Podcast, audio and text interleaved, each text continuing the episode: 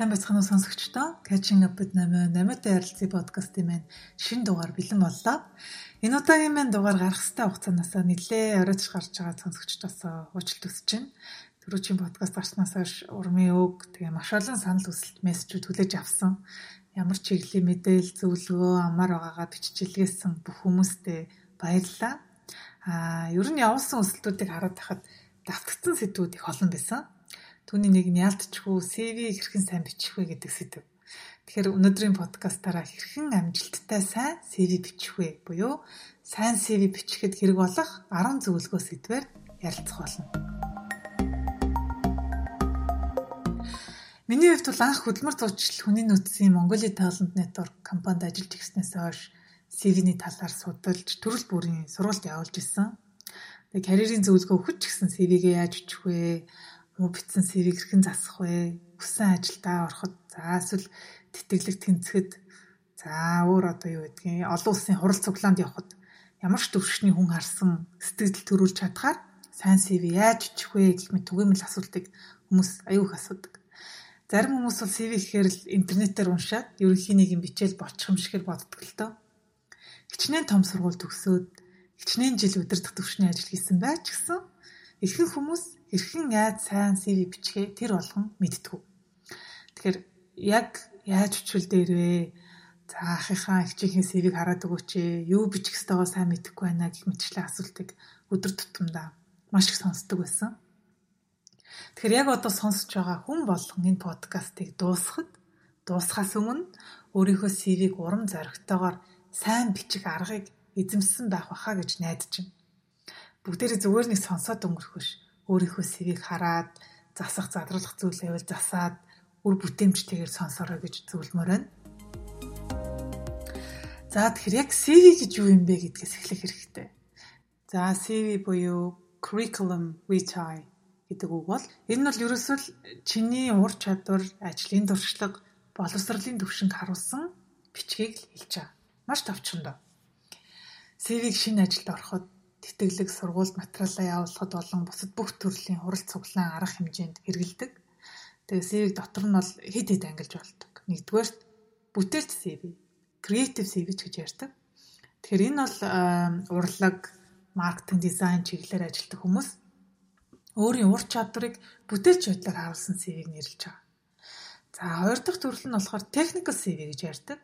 За энэ дотор юу хамрагддаг вэ гэхээр IT компьютерийн чиглэлээр тодорхой ажилд материалдаа явуулж байгаа бол маш дэлгэрэнгүйгээр өөрийн хийж байсан төсөөл, ажилтдаг програм, за одоо код хийдэг бол кодын туршлага гэх мэт нарийн мэдээллүүдээ оруулсан CV хэлж байгаа. Аа гуравдугаарт academic CV гэж байдаг. PhD юм уу, postdoc сурах гэж байгаа эсвэл академик төвшөнд ажилладаг багш хүмүүс өөрөө хийж байсан судалгааны ажлаа маш дэлгэрэнгүй бичих хэрэгтэй болдог. Тэгэхээр энэ төрлийн CV-г academic CV гэж нэрлэдэг. За төгсгөлт нь professional skill based CV буюу ажлын дуршлаг, ур чадвар, амжилт бүтээлээ дурдсан CV-г нэрлэж болно. За өнөөдрийн хувьд бол яг ген CV-ний талаар ярилцах болно. Ихэнх хүмүүс интернетээр харж байгаад ч юм уу болсон болоогүй ерөнхий CV бичээд тэгээ тэрийг олон газар руу зэрэг явуулчихдаг. Тэрнийг олсондоо CV-ндээ дэм их ач холбогдол үүдгүүл гэсэн үг л дээ. Тэгэхээр ямар ч шинэ ажилд орох гэж исэн, ямар ч хөтөлбөр тамрагдах гэж байсан чиний CV бол чамайг илэрхийлэх чиний брэнд гэдгийг ойлгох хэрэгтэй. Ялангуяа томоохон компаниудын хүний нөөцийн ажилтан бол чиний CV-г дунджаар за нэг 8-аас 15 секунд л хардаг. Тэгэхээр энэ юу гэсэн үг вэ гэхээр анхнаасаа л маш сайн сэтгэл төрүүлж чадаагүй бол муу бичигдсэн CV-г хинч цааш нь уншихыг хүсдэг. Тэгэхээр хичнээн сайн сургууль сурсан байлаач ямар ч сайн ажлын туршлагатай байлаа ч гэсэн үнэхээр муу CV үзүүлвэл дараагийн шатанд тэнцэхгүй гэсэн. Ярилцлагын төвшөнд ч гэсэн очиж чадахгүй л гэсэн үг л дээ. Тэгэхээр CV бол чамайг зоригтой үргэлжин туслах маш том гүүр үе таалга гэж хэлэхэд болно. За ингээд маш сайн CV бичгээд туслах 10 зөвлөгөөндөө орцгоё. Хамгийн ихний зөвлөгөө бол ерөнхий лейаут буюу бүтцийн хувьд зөвлөгөө байгаа. За CV-ний уртын хувьд бол хамгийн сүүлийн судалгаагаар нэгээс хоёр утас байх нь хамгийн тохиромжтой гэж үзэж байгаа. Мэдээж хэрэг хэр их ажлын туршлагатаагаас хэр урт CV байх вэ гэдэгт хамаардаг. Дөнгөж төгссөн 5-аас доош жил ажлын туршлагатай бол нэг хуудасд багтаачих зүгээр. Аа тэрнээс илүү ажлын туршлагатай бол хүмүүс хоёр хуудасд багтааж бичээрэй. А ер нь хамгийн ихтэй хоёр хуудас байх хэрэгтэй гэж ойлгох хэрэгтэй. За CV бичгэд фонт бас чухал үүрэгтэй. Тэгэхээр аль болох хар өнгөөр өнгө солихгүйгээр за хэмжээний хувьд нэг э, Word 12 хэмжээтэйгээр Times New Roman за Georgie эсвэл Arial, Garamond гэх мэт фонтоор бичвэл илүү зүгээр professional харагддаг. Тэгэхээр нэг осондоо энгийн бөгөөд ямар ч хүн уншихад нүд ядрахгүй ойлгомжтой нүдэн дэвтэйхэн байх хэрэгтэй гэсэн үг.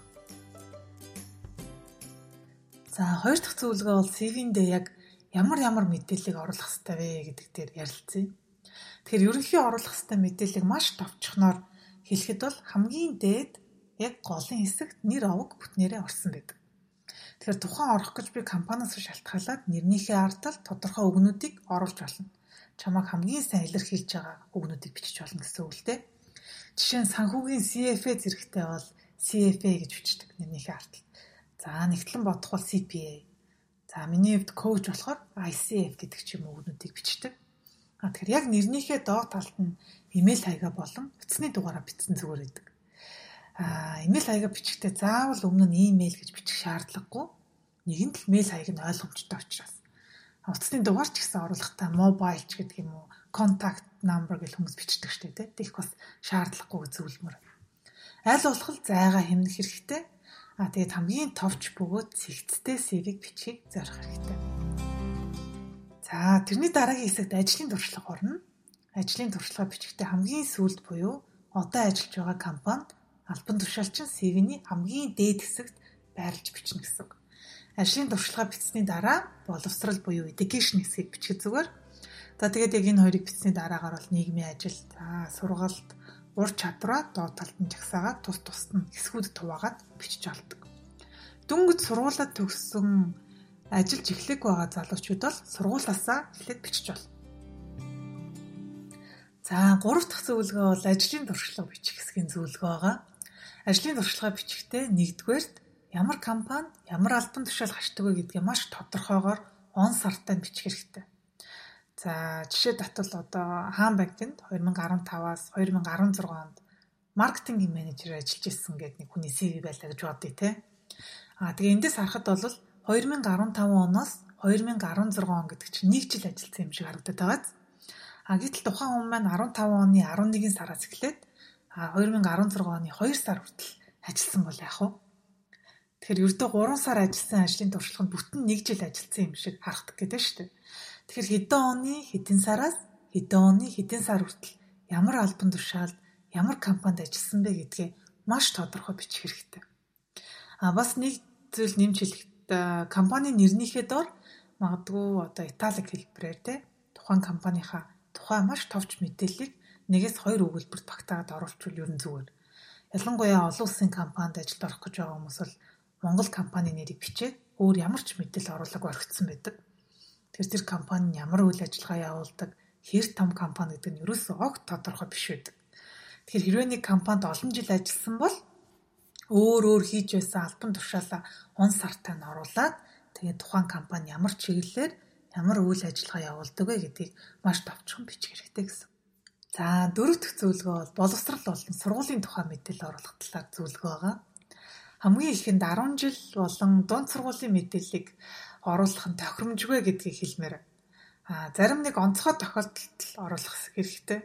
За энэ онцгой тохиолдлуудад юу юу ордог вэ гэхээр а жишээ нь чи герман компанид ажилд орох гэж байгаа бол герман сургуульд 10 жилдээ төгссөн гэдэг мэдээлэл нь бол хоорондоо уялдаатай relevant болж байна те а нэг осондоо тухайн ажил болон хөтөлбөрт чинь шууд утгаараа давуу тал болж байвал дунд сургууль, хай скул, сургууль сурч исэн мэдээлэлээ оруулж болно. А бусад бүх тохиолдолд их сургуулийн бакалаврын зэргээс эхлээд боловсролоо оруулах хэрэгтэй. А хамгийн сүүлд төгссөн сургуулийн мэдээлэл хамгийн ихэндээ орно гэдгийг сонсогчд маань мэдчихэж байгаа болов уу гэж найдаж байна. Тэгэхээр өмнө дурдсанчлан хэдэн оны хэдэн сараас хэдэн оны хэдэн сар хүртэл ямар сургуульд ямар мэрэгчлэр сурсан бэ гэдгээ дэлгэрэнгүй оруулах шаардлагатай.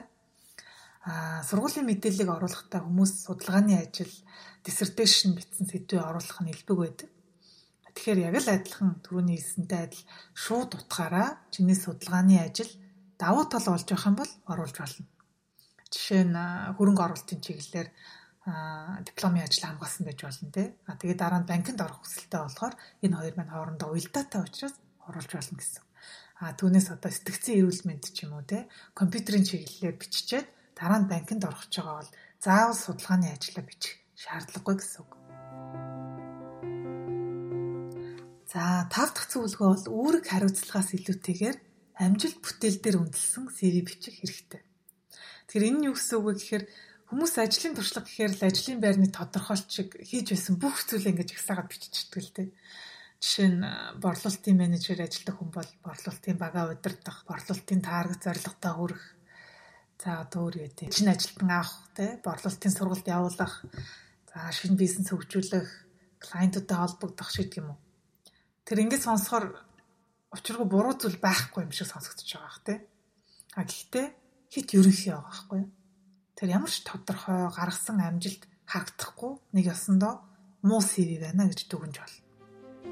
Тэгэхээр сайн CV гэдгийн гэдгийг яаж мэдэх вэ гэхээр нэг онцлог нь юу вэ гэхээр гаргасан амжилт болон туршлагаа оновчтойгоор илэрхийлж бичиж сурах чадвар. Аа, үнийг илэрхийлэхдээ аль болох тоотой байвал зүгээр. Тоогоор илэрхийлвэл зүгээр. Жишээ татахад борлуулалтын орлогоо 40%-аар нэмэгдүүлсэн.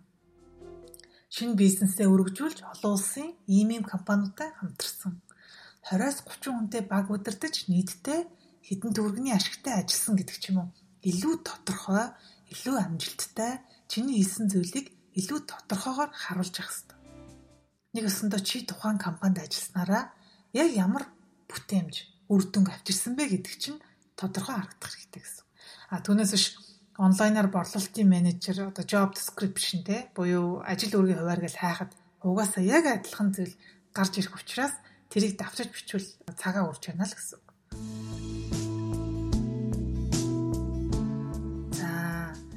6 дахь зөвлөгөө бол CV-гээ тухайн ажил болон CV явуулж байгаа байгууллагатаа тохируулан засах чадвар.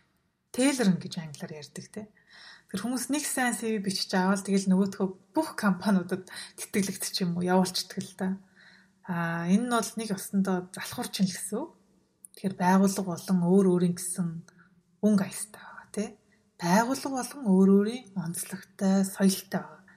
Жишээ нь маркетингийн брендинг чиглэлийн одоо их тийм бүтээлч сэтгэлгээтэй компанид бол CV-гээ явуулахдаа сонирхол хэсэгтэрээ илүү мэдрэмж хаардсан сонирхлоо оруулах нь зүйтэй. Ажлын туршлага дээр ч гэсэн хүмүүстэй харилцах харилцаа за ямар нэгэн шин төс санаачилж эхлүүлж байсан гэх мэтчлэн хувь хүний онцлогоо хүртэл тухайн байгууллагатайгаа ямар нэгэн байдлаар холбох хэрэгтэй гэсэн. А нөгөө талаараа шинэ ажилд орох гэж байгаа бол компани маш сайн судалж яг чиний үндсэн зорилготой нийцсэн компанид л CV-гээ явуулаад тэр чинээгээрээ тухайн явуулсан компанида маш сайн бэлдэх хэрэгтэй гэдгийг хэлж байгаа. А түүнээс биш ажлын байр юу байна гэж 10 ажлын байр нийчээл компаниа судлаагүй ямар ажиллаа судлаагүй а тэгээ нэг CV-гээ альнаас нь ярилцлага ирэх нь явуулаад үзье гэдэг тийм одоо менталититэй буюу сэтгхүйтэй байх ер нь хэрэггүй гэж зөвлөмөр байна. Яагаад тэгэхээр тухайн компанийхаа соёлыг судлаад чиний карьерийн зорилготой хэр нийцж гинэ гэдгийг судалсны дараа чи тухайн компанид орох хүсэл чинь маш их нэмэгдэх учраас тэр хэмжээгээрээ effort буюу хүчин зүтгэл гаргах нь илүү зүгээр.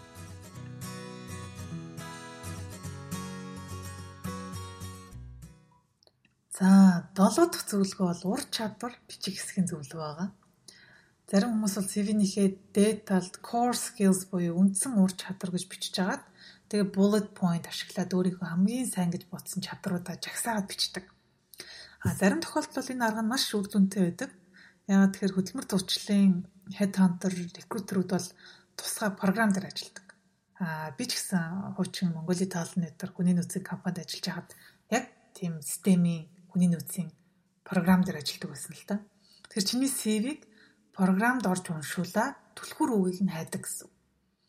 За жишээ нь санхүүгийн шинжээчийн чиглэлээр ажлын байр зарлагдсан тохиолдолд financial analyst CFA гэдэг үгнүүдийг хайлтын систем рүү оруулахаар энэ үг орсон бүх CV-нүүд гарч ирдэг.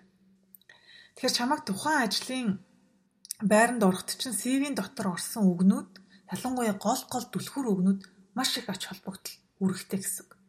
Тэгэхээр хүмүүс бол тухайн ажилдаа их сайн мэрэгсэн мөртлөө гол үгнүүдээ оруулаагүй мартсан байна. За ялангуяа ажлын онцлогоос шалтгаалаад ямар нэгэн софтвер програмын нэр за эсвэл Excel дээр ажиллаж чадах хэсэг гэх мэтчлэн ур чадвараа CV-ндээ заавал оруулаарай гэж зөвлөхөр байна. За ур чадвараа оруулж яана гэд маш урт их ерөнхий олон үгнүүдийг жагсааж бичдэг хүмүүс байдаг.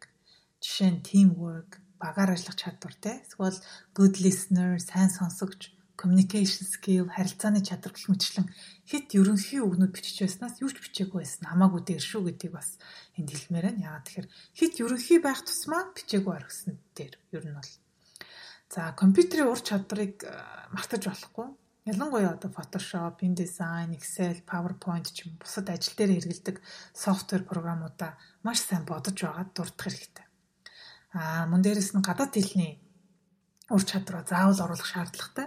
Хүмүүс гадаад хэлний хэсгээр бол их өөр өөрөөр их сонирхолтой бичдэг л те. За одоо жишээ нь англи хэл гэж биччихэд сонсох listening те reading унших speaking ингээд дотор нь хуваагаад биччихдэг. Аа тэгээ listening нь одоо excellent ч юм уу good те Аа тэгтээ reading нь бас excellent. А тэгээ speaking intermediate энэ төргээ бичдэг байхгүй хүмүүс. Тэр энэ бол их том алдаа л да. Ягаад тэгэхээр чамайг ажилд авах гэж байгаа хүн чинь энийг хараад өө speaking яриандаа муу юм шүү дээ. Тэгэхээр манай ажил таарахгүй юм байна гэдэг ч юм уу. Ямар нэгэн байдлаар шууд дүгнэлт хийх гэдэг байгаа байхгүй.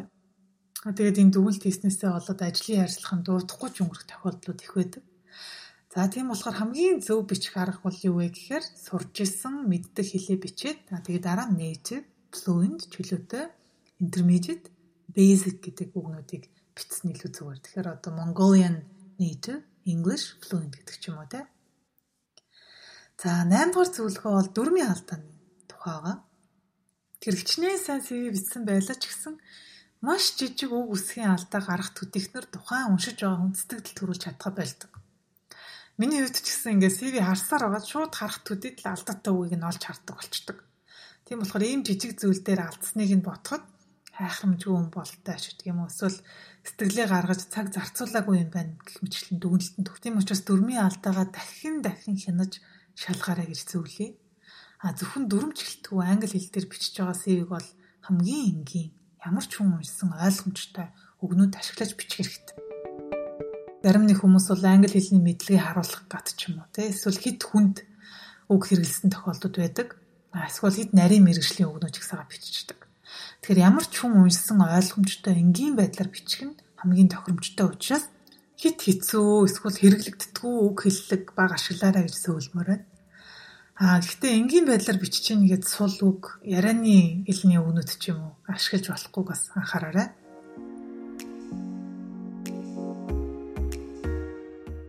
За 9 дахь зөвлөгөө бол CV-ндээ хоосон зай гаргаж болохгүй талаар байна. Тэгэхээр энэ юу гэсэн үг гэхээр хэрвээ ажиллаагүй хугацаа чинь удаан байвал хоосон орхисын хугацаанд яг юу хийж исэн бэ гэдгээ бичих хэрэгтэй. Жишээ нь 2012-оос 2013 оны хооронд ажиллаж байгаад а тэгээ дараагийн ажил нь 2016 оноос эхэлсэн бол энэ хоосон орхисон 3 жилдээ яг юу хийсэн болоо гэдэг асуулт гарч ирдэг. Тэгэхээр зарим хүний зарим хүний CV-г харахтаа бол хүний нөөцийн ажилт яадаг вэ гэхээр магадгүй өмнөх утас руу очиод эсвэл энэ жилүүдэд сурж ирсэн боловч гэдэг юм уу тулгаж харах тохиолдол байдаг. А гэхдээ ихэнх тохиолдолд хүмүүс яагаад ажиллаагүй юм бол юу хийж ирсэн бол гэж гайхаад өнгөрдөг. Зарим нэг үед бол энэс болоод дараагийн шатанд ярьцлахын дуудахгүй ч үед байдаг. Тэгэхээр сургууль сурч байсан юм уу? Гадаадд явсан юм уу? За декретийн амралтаа авсан юм уу гэх мэт шин шалтгаанаа маш товчхоноор биччихээ зүгээр.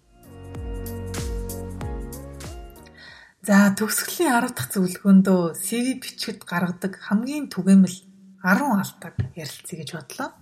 Нэгдүгээр худлаа хэлэх. Бүх зүйлийг шалгахгүй ах гэж одоо зарим нэг зүйл төр хэтрүүлэх эсвэл зарим үед бүр худлаа бичсэн зүйлүүд гарч ирдэг л дээ. Тэгээ сүүлийн үед бол техник технологи хөгжөөд бүх зүйлийг нэг утсаар залгаад ч юм уу нэг мэйл бичээд л асуух боломжтой болсон учраас ийм хоёрын хооронд зүйл дээр бити худлаа яриарай, бити дөвийл гэж бичээрэй. CV-гээ бичихтэй яг байгаагаар нь үнэн зөв бичээрэй гэдгийг зөвлөмөр байна. За хоёр дахь гаргадаг алдаа бол өөрийгөө дүгнэж өчгтэй хит ерөнхий батлагдаагүй зүйлийг бичсэн байдаг. Аа жишээ нь зарим нэг хүмүүсийн CV-нээс харж байхад one of the most successful project manager in the industry гэдэг ч юм уу. Банкны салбарын хамгийн сайн ажилчдын нэг энэ салбартаа best ч юм уу те. Энэ нь ялангуяа удирдлагын төвшин буюу C-level-ийн төвшөнд их бичигдсэн байдаг л да. Тэгэхээр нэгэнд баталж нотолсон мэдээлэл байхгүй бол иймэрхүү үйлдвэрээс зайс хийгэрэй гэж зөвлөмөр. За гурав дахь алдаа бол албан бус имэйл хаягтай. Би энэ тухай сургалт хийхдээ ч ихсэн их ярьдаг байсан. Зарим хүмүүс одоо хүртэл хуучин Yahoo хаягнаас салаагүй байдаг ямар нэртэй хаяг вэ гэдгээ сайн шалгах хэрэгтэй. Тэг хүмүүс бол одоо хүртэл одоо урнаа love@yahoo.com хаягаас салааг хүмүүс байдаг шүү дээ, тэ. Тэгэхээр найз нөхдөдөө мэйлэр харилцахад бол ямар хаяг нээх нь чиний эрэг. Гэхдээ ажлын байран дээр албаны төвшөнд харилцах гэж байгаа бол илүү professional email хаяг нээгэр гэж зөвлөе. Нэрээ бичээд цэг овгоо бичээд @gmail.com ч юм уу те. За дөрөв дэх алдаа бол маш их текст орсон CV. Тэгэхээр рекрутеруудын хамгийн дургуй зүйл. Манайхаар бол их шамбаарлцсан гэж ярьдаг шүү дээ. Харахаар нүд өвдмөр тий. CV-н дээр ингээ битүү юм бичээд хооронд нь ерөөсөө бараг зайч аваагүй. Тийм CV бол ямар ч сайн бичсэн байлаа гэсэн хэрэгтэй хүндээ хурж уншигдах нь маш ховор байдаг. Тийм болохоор хооронд нь зай аваад нүд ядраахгүй тийм зэгцтэй сайн CV бичгийг зориорой. За тав дахь алдаа бол CV-ндээ зураг оруулах хамгийн ихэнд хэлсэнчлэн э, creative буюу бүтээлч төрлийн маркетинг, одоо модель эйженси, тэ брэнд, music, дуучин ч юм уу. Иймэрхүү чиглэлээр ажиллах гэж байгаа бол CV-ндээ зураг оруулах бол шаардлагатай байж болно. А бусад тохиолдолд бол ерөөсөд зургийн шаардлага огт байхгүй. Тэгээ зарим хүмүүс бол зураг оруулмаар байна, оруулж болохгүй юу гэж их асуудаг л да. Тэгэхээр үнэхээр хөөрхөн царайлаг зураг оруулснараа давуу тал нь бий болно гэж боддог царайлага барьж дийлэхгүй хүмүүс бол одоо өөрсдийнх нь сонголт. Хэрвээ энэ тохиолдолд заавал зураг оруулмаар байгаа бол толгооноос хүзүү хүртэл профешнл албан ёсны зураг оруулах хэрэгтэй анхаараарай. За 6 дахь алдаа бол хувийн мэдээлэлээ оруулдаг. Шашин шүтлэг, төрсөн он сар, төрсөн газар, за тэр итэл бүр эр им гэх мэтчлэн CV-н дээрээ тавьсан байдаг. Тэгэхээр чиний ажлын туршлага, боловсрал дээр ч нь үндэслэж ажилд авах газрыг сонгох хэрэгтэй учраас бусад хувийн мэдээллийг оруулахгүйсэн зөв. А сэтгэл зүйн хувьд ч гэсэн сул тал бий болох тохиолдол байдаг л да. Хувийн мэдээлэл оруулснаар жишээ нь 1978 онд төрсөн гэж бичсэн байх юм бол манай компанид байгаа ажилчдаас нэлээд ахмад юм байна. Залуу хүн байвал зүгээр ч юм уу гэдэг юм уу. Нөгөө хүний нөөцийн хүн маань нөгөө чиний CV-г уншиж байгаа хүн маань ямар нэгэн байдлаар өөрийн мэдл бодоод эхэлдэг байхгүй. Нэг өсөндөө чамтай уулзч үзээгүй байж ч те. Чамтай ярилцлага гэж чи ямар хүн бэ, ямар ур чадвартай вэ гэдгийг мэдхээсээ өмнө чиний битсэн хувийн мэдээлэл төр чинь үндэслээд ямар нэгэн байдлаар дүгнэлт хийгээд байна шүү дээ. Тэгэхээр иймэрхүү зүйлээс татгалзах хэрэгтэй гэсэн. За долоо дахь алдаа бол лого болон бусад төрлийн зураг оруулдаг хүмүүс. Тэр компани лого эсвэл янз бүрийн зураг, имиж Иймэрхүү зүйл ер нь формат алдагдуулаад тэгээд дээрэс нь их замбраагүй албан бус харагдуулдаг болохоор зайлсхийх хэрэгтэй. За 8 дахь алдаа бол цалингийн мэдээлэл байгаа. Цалингийн мэдээллийг бас CV-ндээ ерөөсөө оруулах хэрэггүй. Миний хүсэж буй цалин бол expected salary гэж бичсэн байдаг зарим хүмүүстэй. Тэгэхээр ер нь яг CV-ний зорилго гэдэг чинь юу юм бэ гэхээр ерөөсөө л ажлын ярилцлаганд өргөдөхөд чинь туслах гүүр болж байгаа л гэж ойлгож ойлгох хэрэгтэй. Тийм учраас ажлын ярилцлаганы дараа хүний нөөцтэй цалингийн талаар, бонус одоо тэр бүх мэдээллийн талаар угаасаа ярилцах учраас эхний ээлжинд CV-н дээр энэ мэдээллийг тавихгүй байгаарай гэж зөвлөмөр байна. За 9 дахь алдаа бол янз бүрийн график чарт ашигладаг зарим хүмүүс. Аа мөн CV-ний форматны хувьд таньдаг хүндээ эсвэл тэтгэлэг хөтөлбөрт CV-гээ явуулж байгаа бол магадгүй PDF форматаар нь явуул боломжтой. Яагаад тэгэхээр илүү нууцтай чиний CV-г засах боломжгүй гэсэн үг л дээ. Харин рекрутер ч юм уу ажил олгогч хүний нөөцийн ажилтнууд руу CV-г явуулж байгаа бол аль болох өөр төлбөрөөр явуулах нь зүйтэй. Тэгэхээр би түрүүн хэлсэнчлэн одоо рекрутерүүд хүний нөөцийн ажилчид тусгай програм дээр ажилладаг учраас яг тэр CV-г оруулахад PDF-ийн формат нь ингээд алдагдаад яг чиний явуулсан форматаараа орч чаддаг байхгүй хөрвөгдөөд. Тийм учраас өөр төлбөрөөр явуулвал хамгийн зөв. За ингээд 10 дахь гаргадаг алдаа бол reference буюу чамайг тодорхойлох эсвэл хамт ажиллаж байсан хүмүүсийн мэдээллийг CV-ндээ оруулдаг. А яг энэ reference-ийг CV-ндээ оруулах шаардлага байхгүй. Тэгэхээр ажлын ярилцлаганд орсны дараа угаасаа чамаас асуудаг. Хуучин ажиллаж байсан удирдлагын мэдээллийг авдаг учраас хамгийн ихний энэ стейжинүүд бол тэр хүмүүсийн мэдээллийг оруулах шаардлагагүй.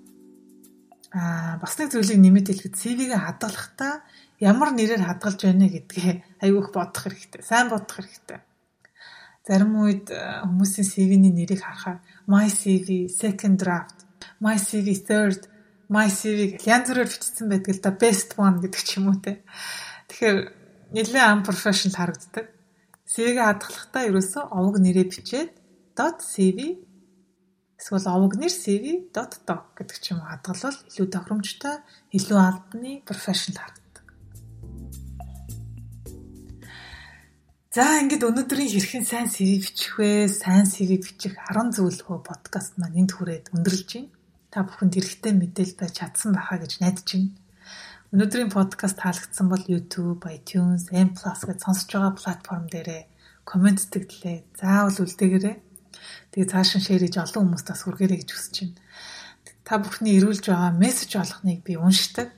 Нэг бүрчлэн хариу өгөхийг боддог Тийм болохоор дараагийн дугаараар ямар сэдвийн талаар зөвлөгөө авч юу сонсомоор байна гэдгээ заавал хуваалцаарай. Сонсогчдтай амжилт хүсье. А шинэ 7 хоногоо сайхан өнгөрөөгөөрэй.